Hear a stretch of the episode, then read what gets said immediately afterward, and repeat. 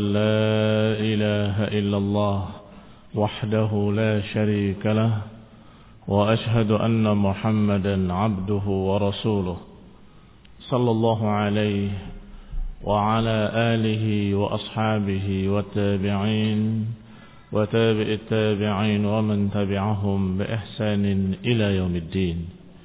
يا أيها الذين آمنوا اتقوا الله حق تقاته ولا تموتن إلا وأنتم مسلمون.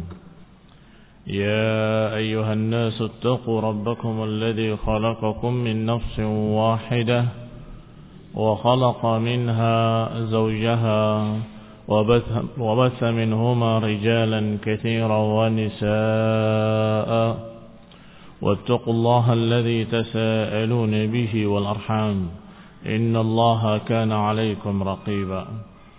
يا أيها الذين آمنوا اتقوا الله وقولوا قولا سديدا. يصلح لكم أعمالكم ويغفر لكم ذنوبكم. ومن يطع الله ورسوله فقد فاز فوزا عظيما. أما بعد فإن خير الحديث كتاب الله. وخير الهدي هدي محمد صلى الله عليه وعلى آله وسلم وشر الأمور محدثاتها فإن كل محدثة بدعة وكل بدعة ضلالة وكل ضلالة في النار. أخواني في الدين أعزكم الله. Sampai kita pada ucapan Ibn Qayyim rahimahullah Illa anna hadal jawab يعترض alaihi قوله أو takuna من الخالدين Kemarin sudah dijawab pertanyaan atau permasalahan tentang malakaini atau malikaini. Dan sudah dijawab bahwa malakain yang dimaksud adalah kekekalannya. Ya, ini ditipunya Adam dan Hawa oleh syaitan bahwasanya buah khuldi ini akan bisa menjadikan engkau seperti malaikat yakni kekal tidak mati. Tetapi di sana ada pertanyaan. Yang tarat alaihi yaitu bagaimana dengan kalimat autakuna minal khalidin? Kalau menjadi malaikat tadi maknanya kekal kenapa pakai kata au? Atau engkau berdua menjadi kekal. Berarti sesuatu yang disebut pertama dan sesuatu yang disebut kedua ternyata maknanya sama. Antakuna malaikaini takuna minal khalidin. Engkau menjadi seperti malaikat yaitu kekal atau engkau menjadi kekal. Bagaimana kekal dengan kekal? Kalau tafsirnya seperti itu. Fayuqalu maka dijawab.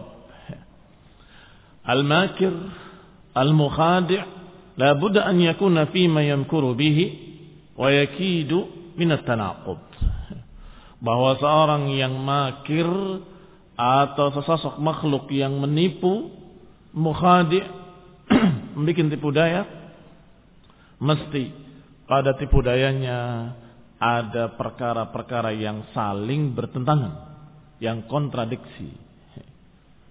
Wal batil ma yadullu ala makrihi wa kaidihi dan juga mesti ada kebatilan yang menunjukkan kalau itu adalah dusta, tipu daya dan memang makar. Yang dikatakan, dalam pepatah bahasa Arab hibalul kadibi qasirah. Talinya dusta itu pendek. Apa maknanya talinya dusta itu pendek? Maknanya kalau seorang berdusta itu bisa ditelusuri tidak jauh akan terbukti kalau itu dusta. Hibaluhu atau hibalul kadib qasirah. Talinya kedustaan itu pendek. Kalau kamu urut akan terlihat oh ternyata dusta. Demikian ini dimaksud dalam Al-Qayyim rahimahullah bahwa al-makir wal mukhadi' yang namanya penipu atau orang yang membuat makar, pasti ucapannya, kata-katanya yang merupakan tipu daya, pasti dalamnya ada kontradiksinya. Mesti itu. Yang menunjukkan kalau itu makar. Yang menunjukkan kalau itu tipuan. Tidak seperti barang yang asli. Dari sana sininya, dari sudut sana sudut sini semuanya klop. Tetapi kalau yang namanya dusta atau tipu daya, pasti ada kontradiksinya.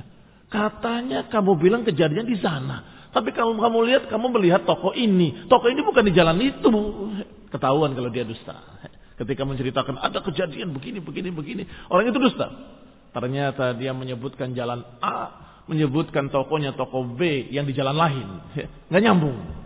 Ini mesti kata Ibnu Qayyim. Al-makir wal mukhadi' la budda an yakuna fi ma yamkuru bihi wa yakiduhu min at-tanaqudi wal batil. Mesti yang namanya penipu, yang namanya orang berdusta, mesti kata-katanya ada kontradiksinya dan ada yang enggak nyambungnya. Yang menunjukkan kalau itu adalah makr dan tipu daya. Aduwillah. Maka kita tidak butuh untuk memperbaiki ucapan aduwullah untuk meluruskan ucapan syaitan yang menipu. Syaitan sedang menipu dan sedang membuat tipu daya. Maka kata-katanya ada kontradiksi itu maklum. Wali'tidhar anhu maka nggak perlu untuk mencari udur. Kenapa? Kok ini kok sama. Wa innama ya'tadhir 'anil abbi. Tetapi kita mencari udur untuk bapaknya manusia yaitu Adam alaihi salam. Fi kauni dzalika rajin alaihi wa walaja sam'ahu. Yaitu kenapa kok tipu daya demikian kok bisa diterima oleh Adam alaihi salam dan bisa atau mau untuk mendengarkan fahuwa lam yajzim lahuma bi annahuma in akala minha saral malakaini bahwa iblis tidak tegas menyatakan kepada keduanya bahwa keduanya kalau makan buah khuldi itu maka dia akan menjadi dua malaikat. Tidak tegas mengatakan begitu. Wa inna ma raddadal amr baina amrain. Iblis hanya menyebutkan dua di antara kemungkinan yang akan terjadi. Kalau kamu makan buah khuldi ini ada dua kemungkinan. Kamu jadi malaikat atau kamu jadi kekal. Yaitu dua kemungkinan ahaduhuma mumtani' wal akhar mungkin. Dua kemungkinan yang satu tidak mungkin, mumtani', yang satu mungkin. Min anwa'il kaidi wal makr dan ini setinggi-tinggi bentuk tipu daya, bentuk makar. Setinggi-tinggi bentuk makar, setinggi-tinggi bentuk tipu daya adalah dia memberikan dua kemungkinan. Kemungkinan yang satu mustahil, Kemungkinan yang kedua mungkin. Kira-kira orang yang ditipu akan memilih mana? Pasti dia akan mengatakan, ah kalau ini nggak mungkin, pasti ini. Padahal memang si penipu ini menghendaki kalau orang tadi mengharapkan yang ini, yang mungkin. Kamu akan jadi begini, atau paling tidak kamu akan jadi kaya. Kamu akan jadi presiden, atau paling tidak kamu akan jadi kaya. Maka orang yang ditipu tadi berkata, jadi presiden, ah Enggak juga enggak apa-apa. Yang penting saya bisa kaya. Ini tipu daya. Supaya orang itu berpikir tidak mengharapkan yang tinggi, mengharapkan yang ini. Tidak mengharapkan yang mustahil, dan mengharapkan yang mungkin.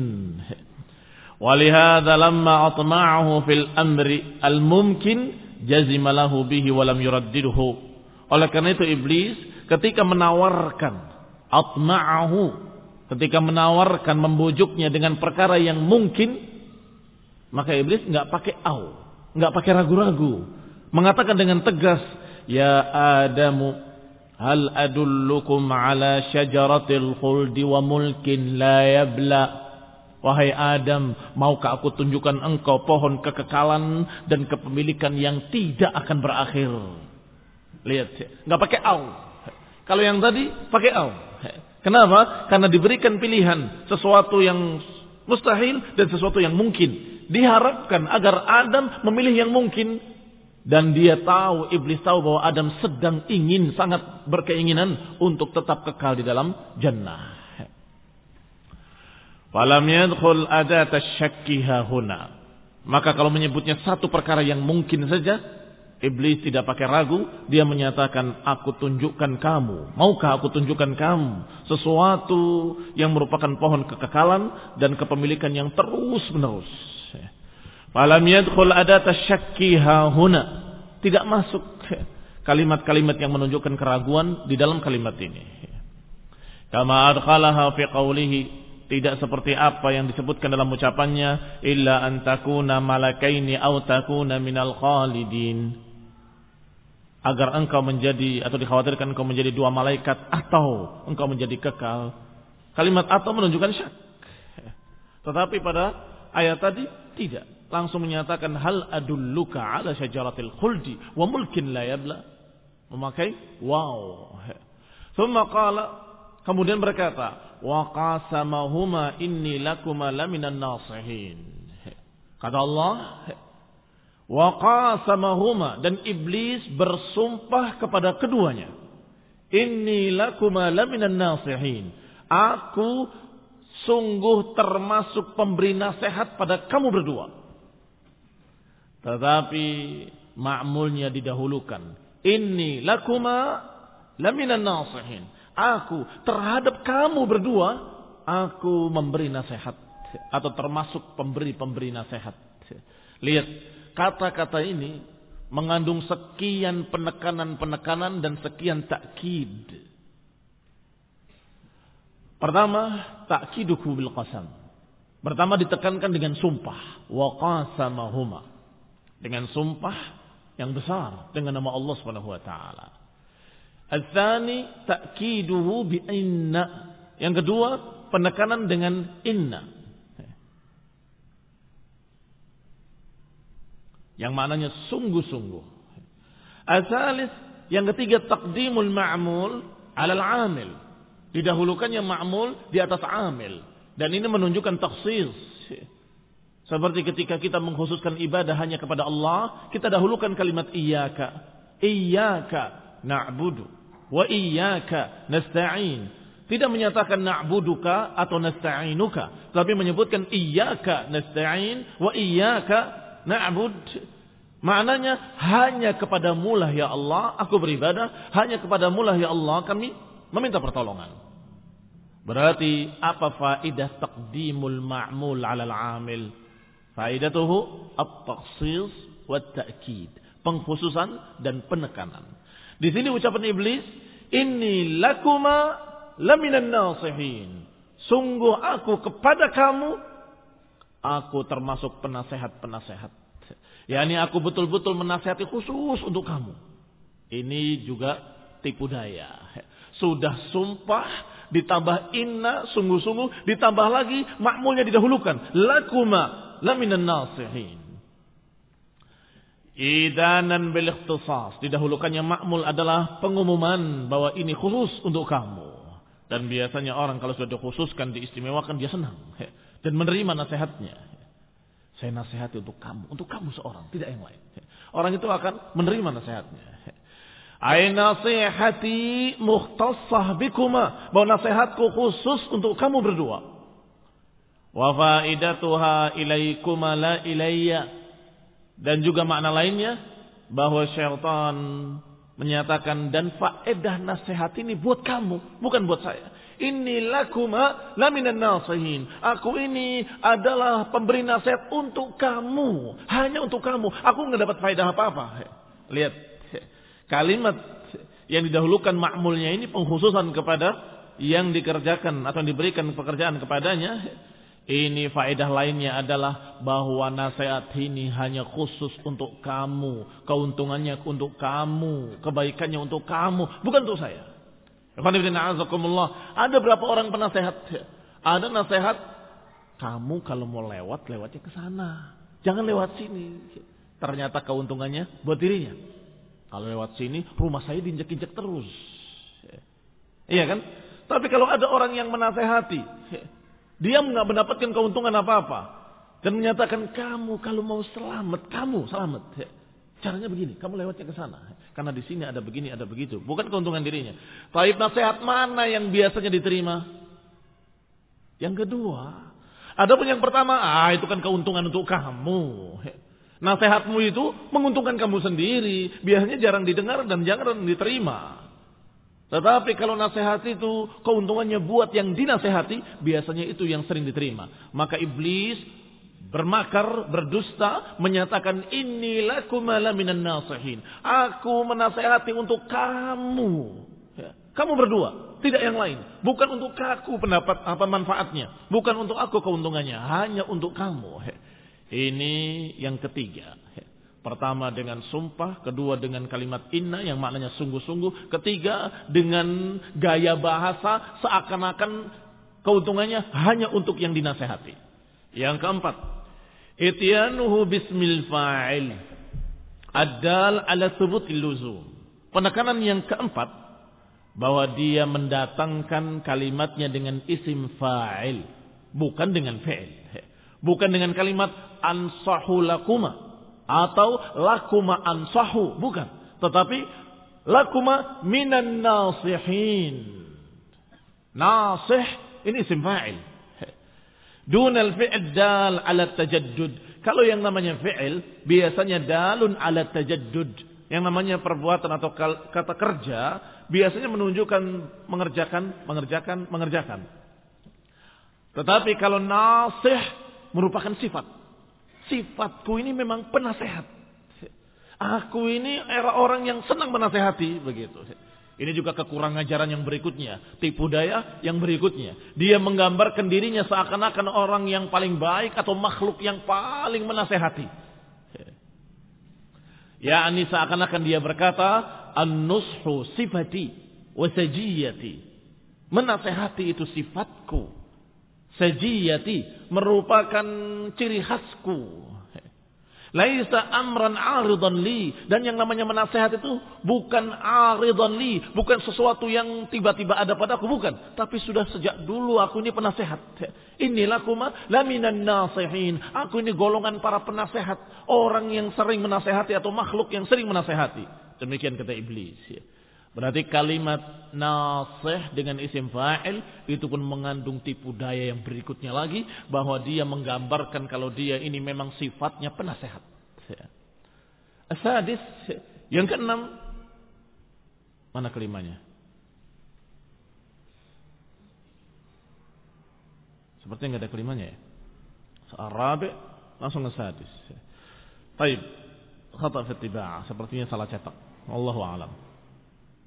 Yang berikutnya annahu sawwara nafsahu lahuma nasihan min jumlati nasihin. Yang berikutnya, syaitan tidak hanya menyatakan nasih dengan mufrad. Tetapi menyebutkan nasihin dengan jamak dan dia menyatakan minan nasihin. Aku termasuk di antara para penasehat. Ini juga tipu daya lagi.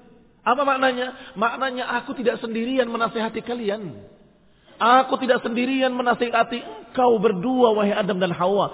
Yang menasehati itu banyak orang-orang seperti aku yang nasihatnya sama dengan aku. Aku salah satu dari mereka. Ini lakuma laminan nasihin. Aku termasuk salah satu dari nasihina dari para penasehat. Lihat. Ini pun kekurangan ajaran yang berikutnya tipu daya iblis agar nasihatnya diterima. Bahwa ini bukan aku saja yang ngomong loh. Bukan aku sendiri. Banyak yang ngomong seperti itu. Dan banyak yang menasehati. Cuma aku salah satu dari mereka. Lihat. A'udhu billahi minasyaitan rajim. Kita berlindung pada Allah dari godaan syaitan yang terkutuk. Sungguh tipu dayanya dan makarnya sangat banyak dan bermacam-macam. Allah Faka'annahu qala lahum. Kata Ibn Qayyim seakan-akan iblis berkata kepada mereka, qala lahuma an-nasihuna lakuma fi dzalika katsir. Bahwa para penasehat kepada kamu berdua itu banyak. Wa ana wahidun minhum. Sedangkan aku salah satu dari mereka. Kama taqulu liman ta'muruhu bi Seperti ketika engkau menyuruh sesuatu. Kepada saudaramu, kepada temanmu menyuruh sesuatu. Kemudian dia berkata, kullu ahad ma'i ala hadha wa ana min jumlati man yushiru alaika bihi. Sesungguhnya semua orang sama dengan aku. Dan aku salah satu dari sekian banyak orang yang mengarahkan kepadamu dengan arah ini atau yang menasehati kamu dengan nasihat ini. Yushir alaika bihi. Yang yang mengisyaratkan kepadamu dengan perkara ini. Supaya apa orang ngomong begitu biasanya supaya diterima. Sini kamu. Kamu saya nasihati ya. Dan ini nasihat untukmu. Dan yang menasehati kamu seperti ini bukan saya sendirian. Si fulan, si fulan, si fulan, si fulan, si fulan, bahkan ustaz, bahkan bapakmu, ibumu, si fulan dan si fulan, semuanya sudah menasihati kamu. Dan saya salah satu dari mereka mengucapkan sama seperti mereka bahwa kamu kalau mengerjakan sekali lagi ini akibatnya. Untuk apa dia berkata seperti itu? Untuk diterima. Dan iblis juga berkata demikian tetapi dengan makar. Kalau tadi bisa jadi benar. Kalau yang menasihati sudah banyak. Tapi iblis berdusta. Makar, tipu daya.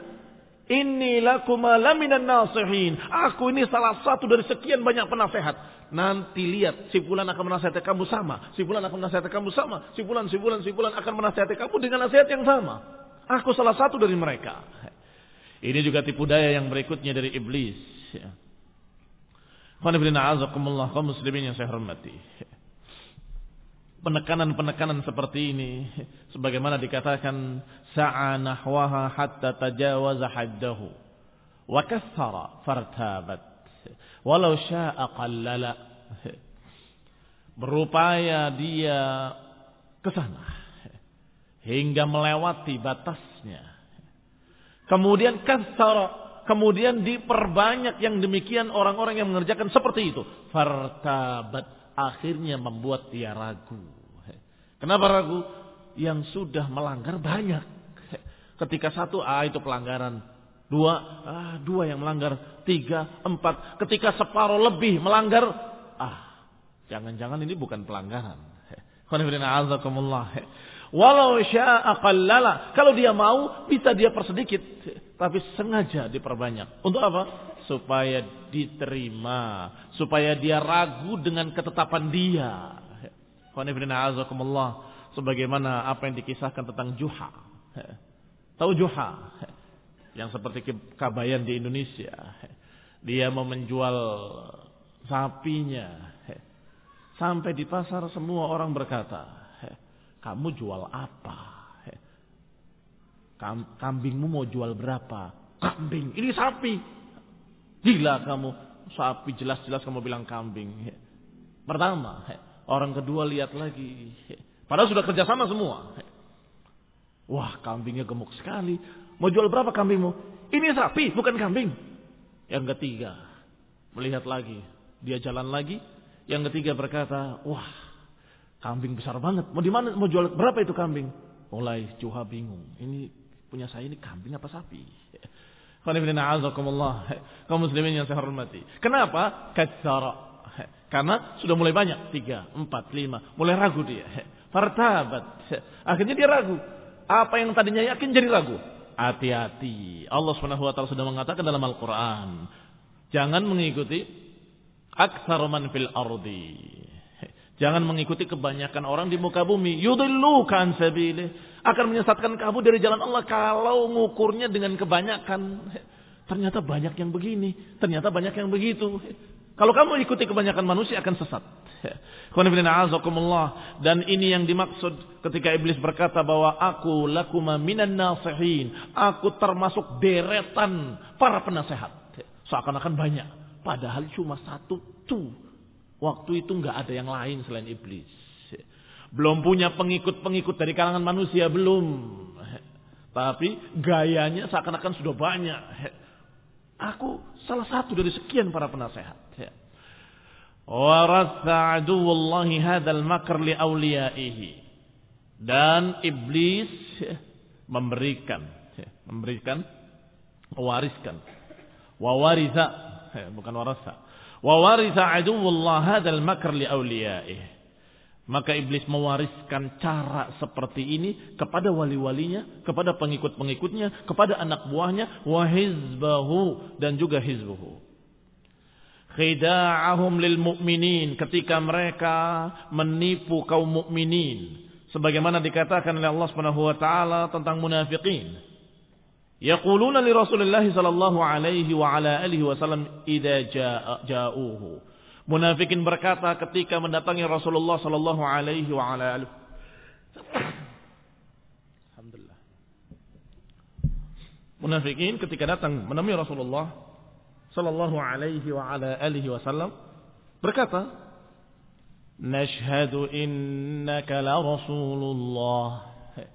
Nashhadu innaka la Rasulullah. Lihat. Munafik dusta tetapi ketika dia berdusta nggak tanggung-tanggung, pakai penekanan, penekanan, penekanan, memakai kalimat-kalimat dan gaya bahasa yang sangat meyakinkan. Pertama kalimat nashhadu, bukan ashadu. Tapi nashhadu, kami mempersaksikan. Kami, ini jajaran sekian banyak orang. Kemudian pakai inna, innaka.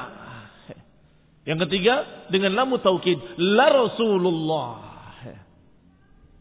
Fa'akadu khabarahum bisyahadah. Para munafikin ini menekankan beritanya dengan persaksian. Wabi inna dan dengan inna Wabilamit ta'kid. Dan dengan lam yang bermakna penekanan pula. Innaka la rasulu. Sehingga kalau diterjemahkan bahasa Indonesia mungkin sangat susah. Ya, ini sungguh-sungguhnya sekian kali. Kami sungguh-sungguh mempersaksikan bahwasanya engkau sungguh-sungguh adalah Rasulullah SAW. Karena inna sungguh-sungguh. Lam juga maknanya sungguh-sungguh. Nashhad maknanya adalah sungguh. Kami bersaksi. Kami, bukan saya. Kami semua mempersaksikan. Wa kadzalika qauluhu subhanahu Demikian pula ucapan Allah Subhanahu wa taala menceritakan tentang munafikin, yahlifuna billahi innahum laminkum wa ma hum minkum. Kata Allah, wa yahlifuna billah, mereka bersumpah siapa? Munafikin. Bersumpah dengan nama Allah. Billahi dengan nama Allah. Innahum sungguh-sungguh mereka itu laminkum. La-nya juga lamut taukid, bukan la yang artinya tidak. Lam tanpa alif. Maknanya lamut ta'kid, penekanan. Yahlifuna billahi innahum laminkum. yakni mereka bersumpah dengan nama Allah bahwa sungguh-sungguh mereka itu sungguh-sungguh dari kalian. Sungguh-sungguh bersama kalian. Sungguh-sungguh mereka itu dari kalian. Kata Allah wa ma hum minkum padahal mereka bukan dari kalian. Ini siapa gurunya para munafikin ini? Hah?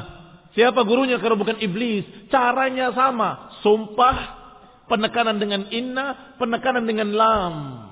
Sama seperti iblis, kata Allah, wa qasamahuma inni lakuma laminan nasihin bersumpah, kemudian mengucapkan inna, kemudian mengucapkan orang yang memiliki iman sedikit saja untuk mengatakan wallahi takut kalau dusta.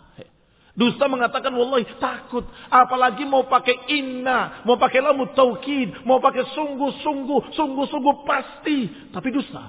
Astagfirullahaladzim. Gaya bahasanya seakan-akan dia adalah orang yang jujur banget ternyata kadzabun asyir. Pendusta yang jahat. Thumma qala ta'ala. Kemudian Allah berfirman pula selanjutnya. Setelah menyebutkan ucapan iblis wa qasamahuma inni lakum laminan nasihin fadallahuma bighurur maka iblis pun membujuknya dengan kedustaan-kedustaan. Terjemahan bebasnya demikian. Padahal kalimat dalla sangat banyak tafsir-tafsirnya dari para ulama dan disebutkan dalam bahasa Arab dengan sekian makna. Berkata Abu Ubaidah, makna dallahuma ay khadalahuma wa khalahuma. Khadalahuma mengacuhkannya, membiarkannya tidak menolong. Sama dengan khalahuma membiarkan keduanya. Apa kalau ditafsirkan dengan ini? Dallahuma bighurur membiarkan keduanya dengan tipu daya. Membiarkan keduanya dengan kedustaan-kedustaan tadi. Ya, ini diambil dari kata tadliyah, min tadliyati dalu. Ketika kamu menjulurkan ember dengan tali untuk mengambil air di sumur, itu dalam bahasa Arab dikatakan dalla dalwahu. Masdarnya tadliyah. Wahuwa irsaluha fil bi'ri. Yaitu ketika kamu mengulurkan tali yang ada ember di ujungnya ke sumur dikatakan dalla atau adla. Wa al-Azhari li hadhihi lafdhah aslain. Kata Al-Azhari bahwa lafaz ini ada dua asal muasalnya. Salah satunya asluhu ar-rajulul atshani. Asal muasalnya seorang yang dalam keadaan haus kemudian menjulurkan tangannya ke sumur. Jangan dibayangkan sumur seperti kita di sini. Karena sumur di sana nggak ada bibir sumur yang bulat begitu enggak. Hanya tanah digali tidak rata. Sehingga kadang-kadang bisa turun ke sumur. Ada yang kalau tidak turun hanya tiduran kemudian tangannya menggapai air. Nah, orang yang haus kemudian tangannya menggapai air turun. Liar minal ma'i untuk menggapai air. Ternyata fala yajid fiha ma. Ternyata nggak sampai ke air dan tidak mendapatkan apa-apa fayakunu qad fiha bil ghurur.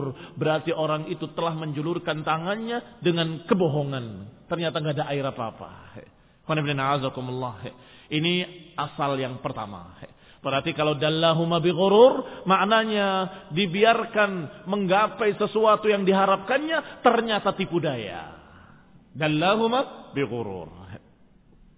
Fayuqal maka dikatakan fawudi'atit tadliyah mawdi'al itma'i fiha la yajdi naf'a. Maka kalimat tadliyah dipakai dalam bahasa Arab dengan asal yang pertama ini atau dengan makna yang pertama dipakai untuk setiap itma' fi la yujdi naf'an dipakai pada setiap al itma setiap keinginan-keinginan seseorang pada perkara yang tidak memberikan manfaat apa pun sehingga kalau dalam bahasa Arab melihat seseorang dia sangat ingin untuk mendapatkan itu. Ternyata yang diharapkannya itu nggak ada apa-apanya dan dusta.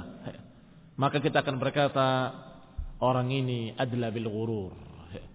Orang ini dalla bil ghurur kasihan. Berarti satu ungkapan yang bermakna orang yang berupaya, berkeinginan sangat untuk mendapatkan sesuatu, padahal sesuatu itu nggak ada. Ini makna yang pertama. Dallahu ida atma'ahu. Berarti kalimat dallahu kalau menjadikan seseorang berkeinginan. Kalau berkeinginan dengan kepada sesuatu yang dusta, maka berarti dallahu bil ghurur. Dallahu bil ghurur. Wa minhu qawlu Abi Jundub Al-Hudali. Di antaranya seperti ucapan Abu Jundub Al-Hudali dalam syairnya, Ahussu fala ujiru wa man ujirhu falaisa kaman tadalla bil ghururi ahussu yani aqta'u aku tegaskan aku putuskan fala ujiru aku enggak akan melindungi siapa pun waman ujirhu dan siapa yang aku lindungi dia maka laisa kaman adla kaman tadalla bil ghururi padahal siapa yang aku lindungi maka niscaya orang itu tidak seperti orang yang menggapai-gapai sesuatu padahal nggak ada. Paham? Dipakai dalam syair ini pepatah tadi. Ya ini aku kalau melindungi seseorang maka orang itu niscaya nggak akan tertipu bahwa aku betul-betul melindungi sungguh-sungguh bukan seperti orang yang tadalla bil ghururi tidak seperti orang yang menggapai-gapai di sumur ternyata nggak ada airnya. Sudah sejam dua jam ingin mendapatkan air, tangannya menjulurkan sepanjang-panjangnya. Ternyata memang nggak ada airnya. Kata dia, Faman ujirhu, siapa yang aku lindungi dia, falaisa kaman tadalla bil ghururi. Maka dia tidak seperti orang yang menggapai-gapai ingin mendapatkan sesuatu ternyata tipuan. Tidak. Asani Sedangkan yang kedua, yakni asal kata dalla yang kedua, fadallahuma bi ghurur yakni jarra'ahuma ala akli syajari. yakni membuat orang itu lancang, berani untuk memakan akar-akar pohon atau makan pepohonan. Asal katanya dari dalalhuma minad dilali wadalah wahiyal jara'ah. Yaitu asal katanya dari dalala minad dilalah atau minad dalah wahiyal jara'ah. Orang yang tadinya tidak berani jadi berani. Ini dengan didorong diberikan semangat agar dia berani. Yuqal dallalaka alayya au jarra'aka alayya. Ini engkau aku sungguh memberikan engkau berani kepadaku atau membuat engkau menjadi tidak takut kepadaku. Wa ansyadal qadis ibn zuhair disebutkan dalam syair qadis ibn zuhair adhunnul hilma dalla alayya qaumi wa qad yustajhalur rajulul halimu. Aku menduga dengan kelembutan. Dalla alayya qaumi bahwa kaumku pasti akan jadi berani kepadaku. Berani dalam artian jadi berani mendekat. Dengan kelembutan aku menduga akan mendekat mereka kepadaku. Pakai kalimat dalla dan ini yang berkaitan dengan anak-anak ketika seorang bagaimana membujuk anak-anak supaya mau. Apa itu bahasa Indonesia-nya? Nah, itu bahasa Arabnya adalah. Ini tadinya dia nggak mau, didekatin nangis, dekatin nangis. Maka dia berupaya terus membujuknya dengan ini, dengan kue, dengan segala macam. Kemudian dia mau, maka itu dikatakan dengan kalimat dallahu. Maka anak yang kolokan disebut dalam bahasa Arabnya dengan kalimat dalal juga. Mudallal anak ini. Anak yang mudallal itu anak yang kolokan kalau nggak dibujuk nggak mau. Maka dia berkata, "Adhunnul hilmu dalla alayya qaumi." Aku mengira bahwa dengan kelembutan kaumku akan mendekati aku atau kaumku akan dekat kepadaku. Ternyata qad yustajhalur rajulul halimu. Ternyata kadang-kadang seorang yang halim, seorang yang lembut itu justru ditipu. Justru dibohongi. Kadang begitu. Kadang terjadi qad yustajhal karena qad dengan fi'il mudhari' maknanya adalah kadang-kadang. Wa qad yustajhalu kadang-kadang dibodoh-bodohin ar-rajulul halim, seorang yang lembut. Qultu, aku katakan kata Ibnu Qayyim, aslu tadliyah fil lughati al-irsal wa ta'liq. Asal kata dari tadliyah itu adalah mengulur dan mengikat. Itu asal katanya. Kalau kamu mengulur sesuatu tali dan di ujungnya diikat sesuatu, maka itu dikatakan adla. Kalau ditarik dalla, adla dalla. Sebagaimana orang yang menimba air di sumur, ketika dia menjulurkan talinya, di ujungnya ada ikatan embernya atau sesuatu yang bisa mengambil air, kemudian dia julurkan, maka dalam bahasa Arab dikatakan adla. Sebagaimana dalam Al-Quran, waridahum wa adla dalwah. Kisah Nabi Yusuf alaihissalam dalam Al-Quran. Maka ketika musafir datang, melewati sumur tersebut, fa'arsalu waridahum. Mereka bawa waridahum, ini ember mereka, fa'adla dalwah. Maka mereka ulurkan embernya ke bawah untuk mengambil air. Ternyata ya bushra hadzal gulam. Ternyata ada anak kecil yang sangat gagah, yang sangat ganteng di dalamnya. Qul disebutkan dalam ayat tadi, fa'adla dalwahu. Adla menjulurkan. Sedangkan dalla menariknya.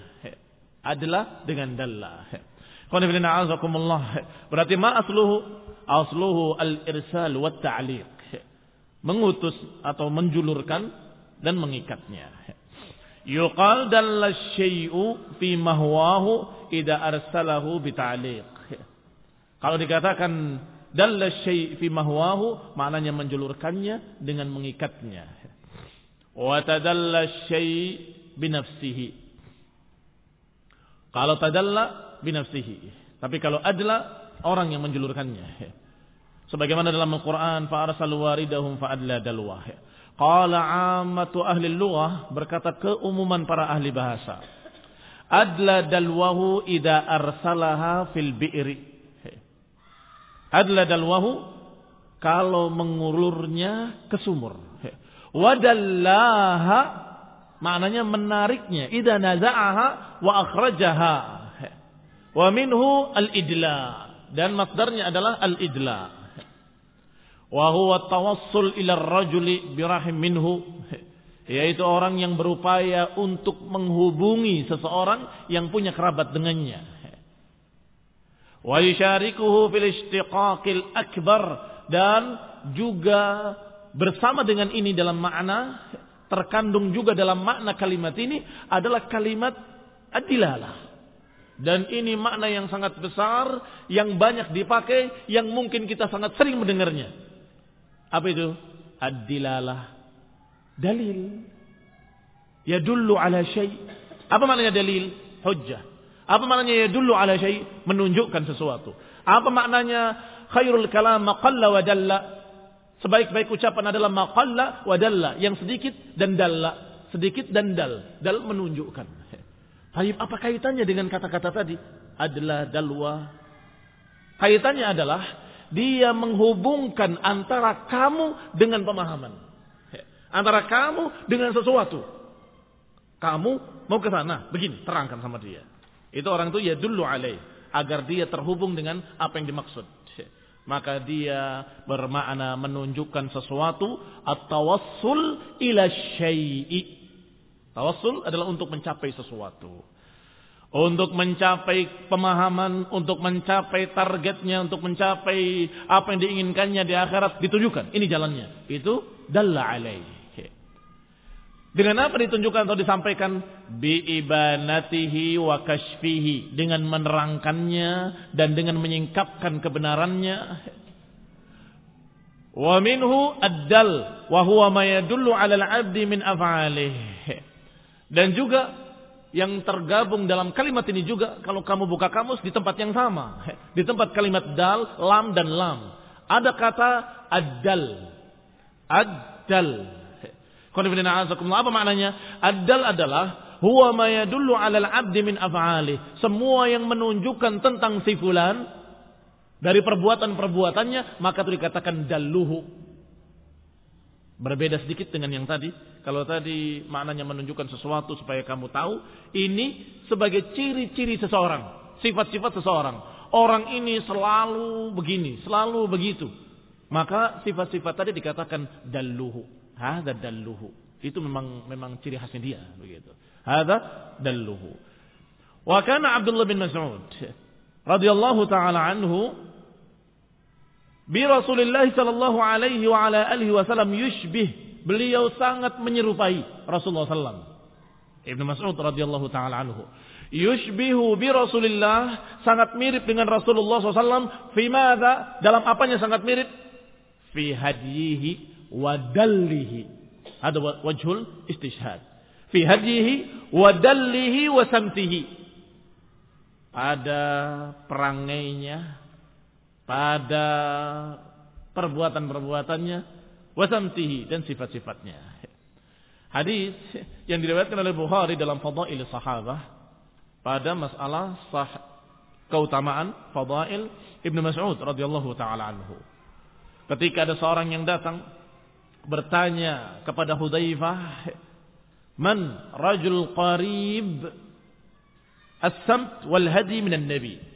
Siapa orang yang paling mirip dengan Rasulullah SAW. Aku ingin meniru Rasulullah SAW. Tapi Rasulullah nggak ada. Ya Hudzaifah, siapa orang yang paling mirip dengan Rasulullah SAW sehingga aku bisa mengikuti dia atau bisa menirunya? Maka dijawab oleh Hudzaifah, Ma'arifu ahadan akrabu samtan wadallan tidak pernah aku menemui seorang pun yang sangat mirip dengan Rasulullah SAW. Samtan wadallan. Samat sifatnya, dal perangainya. Bin Nabi SAW min ibni ummi mas, ibni ummi abd dan ini julukan kunyah dari ibnu Mas'ud ibnu ummi abd ibnu ummi abd adalah ibnu Mas'ud radhiyallahu taala anhu Kata Hudzaifah, aku tidak mendapati orang yang paling mirip dengan Rasulullah SAW fi santihi wa dallihi min ibni ummi abd. Qul ibn a'azakumullah akhrajahu al-Bukhari fi sahihih. Maka di sini kita mendapatkan sekian makna kalimat dal yang beredarnya pada menghubungkan sesuatu pada sesuatu yang lain. Menghubungkan sesuatu kepada sesuatu. Apakah dengan menerangkannya supaya paham, atau dengan mengantarkannya supaya sampai, atau dengan menunjukkan ini dan itu sampai kalau ada seseorang yang ditunjukkan kepada sesuatu. Ternyata sesuatu itu dusta, maka inilah yang ada dalam ayat tadi tentang iblis. Dallahuma bi'urur mengajaknya pada sesuatu, diarahkan kepada sesuatu, tapi berurur dengan tipu daya, dengan kepalsuan, dengan kebohongan.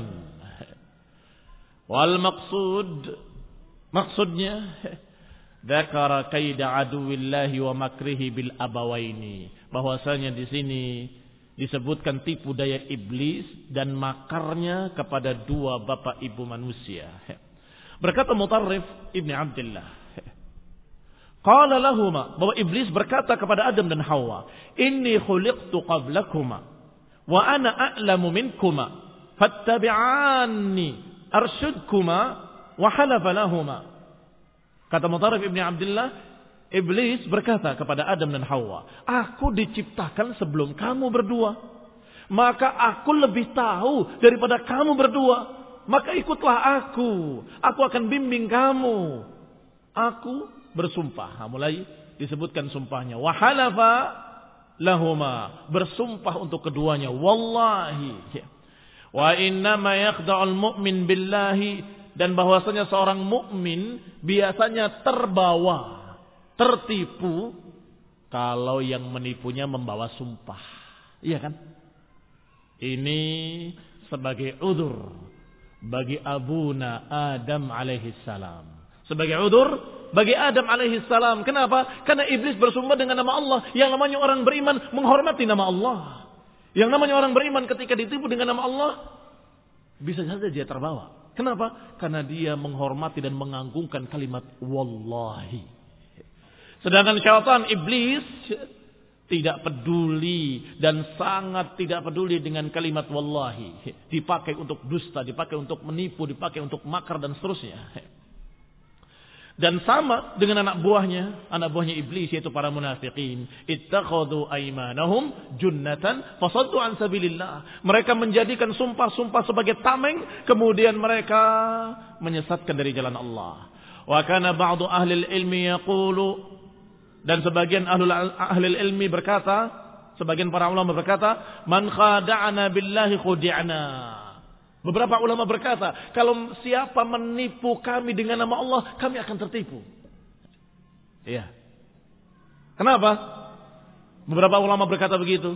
Kalau ada orang yang menipu kami dengan nama Allah, kami bisa tertipu. Karena mereka merendahkan nama Allah, kami mengagungkan nama Allah. Mereka gampang-gampang dengan sumpah-sumpah palsu, sedangkan kami diperintah untuk menghormati nama Allah. Fal mu'min gharrun karimun wal fajr khabbun laimun. Seorang mukmin gharrun karimun. Orang yang ghar yang mudah untuk dibawa dengan nama Allah dan karim sangat baik. Sedangkan al-fajir orang yang jahat khabun laimun Orang yang susah dan orang yang tidak tahu terima kasih. Wa fi sahih dan disebutkan dalam kitab sahih anna Isa bin Maryam alaihi salam ra'a rajulan yasriq. Isa bin Maryam melihat seorang mencuri. Kemudian dia berkata, "Sarakta, engkau mencuri." Orang itu berkata, "La, wallahi alladhi la ilaha illahu." Kata orang tadi, "Tidak demi Allah yang tidak ada ilah kecuali Dia, aku tidak mencuri." Maka berkata Al-Masih alaihi salam, amantu billahi wa kadabtu basari. Aku beriman kepada Allah dan aku mendustakan mataku. Diterima sumpah tadi, padahal dia lihat dengan matanya. Dia katakan mataku yang salah. Allah yang benar dan apa yang disebut dengan nama Allah itu yang benar. dikeluarkan oleh Bukhari dan Muslim dari hadis Abu Hurairah radhiyallahu taala anhu dan juga dikeluarkan oleh Ibnu Majah dalam sunannya. Wa qad ta'awwalahu ba'du ba'duhum ala annahu lamma halafa lahu jawaza an yakuna qad akhadha min malih. Dan sebagian para ulama berkata, ketika dia menerima apa yang diberitakan oleh orang tadi dengan sumpah dan dia mendustakan matanya, maksudnya adalah kalau dia sudah bersumpah dengan sumpah besar, jangan-jangan bisa jadi dia benar. Sedangkan mataku yang salah, mungkin tadi dia mengambil, mungkin mengambil miliknya sendiri. Walaupun di tas orang lain, mungkin itu punya dia. Saya tidak tahu. Kalas, apa yang kamu katakan benar karena dengan sumpah, apa yang saya lihat salah.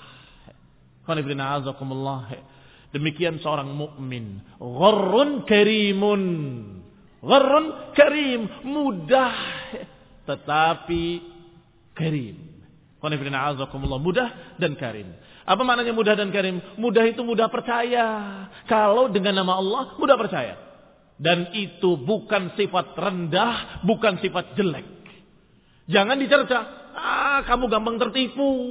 Dikit-dikit kamu percaya, sumpah dikit dengan nama Allah kamu percaya, akhirnya kamu tertipu terus. Rasulullah sallallahu alaihi wasallam. Rasul yang mulia khairul bashar al-Mustafa sallallahu alaihi wa ala alihi wasallam munafikin berduyun-duyun datang ketika pulang perang. Kaum muslimin pulang perang, munafikin yang nggak ikut perang semuanya datang berbaris menyatakan wallahi Demi Allah aku punya udur, demi Allah aku punya alasan, demi Allah aku begini, demi Allah aku begini. Semuanya dipercaya oleh Rasulullah SAW. Apakah ini sifat jelek? Tidak. Sifat mulia. Karena memuliakan nama Allah subhanahu wa ta'ala. Adapun dustanya dia, bainahu wa baina rabbuh antara dia dengan Allah Subhanahu wa taala kita dalam keadaan tidak punya salah apa pun ya Allah aku sudah memuliakan namamu yang mereka ucapkan dengan sumpah selesai dustanya dia bainahu wa baina rabbuh antara dia dengan Allah Subhanahu wa taala. yang mencerca sifat seperti ini justru munafikin lagi. Munafikin yang bersumpah Diterima sumpahnya. Setelah pulang tertawa-tertawa mentertawakan Rasulullah SAW. Huwa udun katanya. Ini orang udun gampang percaya. Maka dijawab oleh Allah Subhanahu wa taala, "Qul udunu khairin lakum yu'minu billahi wa yu'minu lil mu'minin. Katakan pada mereka, "Qul udunu khairin lakum." Sifat udunnya Rasulullah SAW menguntungkan kalian. Baik buat kalian, karimun, sangat dermawan buat kalian. Kalian akan senang dengan sifat yang seperti itu. Yaitu beriman kepada Allah dan juga mengamankan kaum mukminin. Kalau kalau ada yang mukmin bersumpah dengan sungguh-sungguh terus ditolak. Karena kamu katanya tidak gampang percaya, sehingga sumpah-sumpah tidak diterima. Ya walaupun sudah sumpah, kami tidak percaya. Nanti kalau ada yang benar-benar mukmin bersumpah dengan nama Allah, kemudian dihukum. Dengan sifat seperti ini, ghurrun karim, akan yu'min billah, beriman pada Allah, wa yu'minu lil mu'minin. Dan mengamankan kaum mukminin. Orang beriman akan aman. Dia punya sesuatu yang dia akan ucapkan ketika dia betul-betul terpaksa maka dia berkata wallahi la ilaha illahu demi Allah yang tidak ada ilah kecuali dia sungguh aku tidak mengerjakannya. Maka selesai. Akan dipercaya yang demikian. Wallahu taala a'lam bissawab. Subhanakallahumma hamdaka la ilaha illa anta astaghfiruka wa atubu ilaik. Warahmatullahi wabarakatuh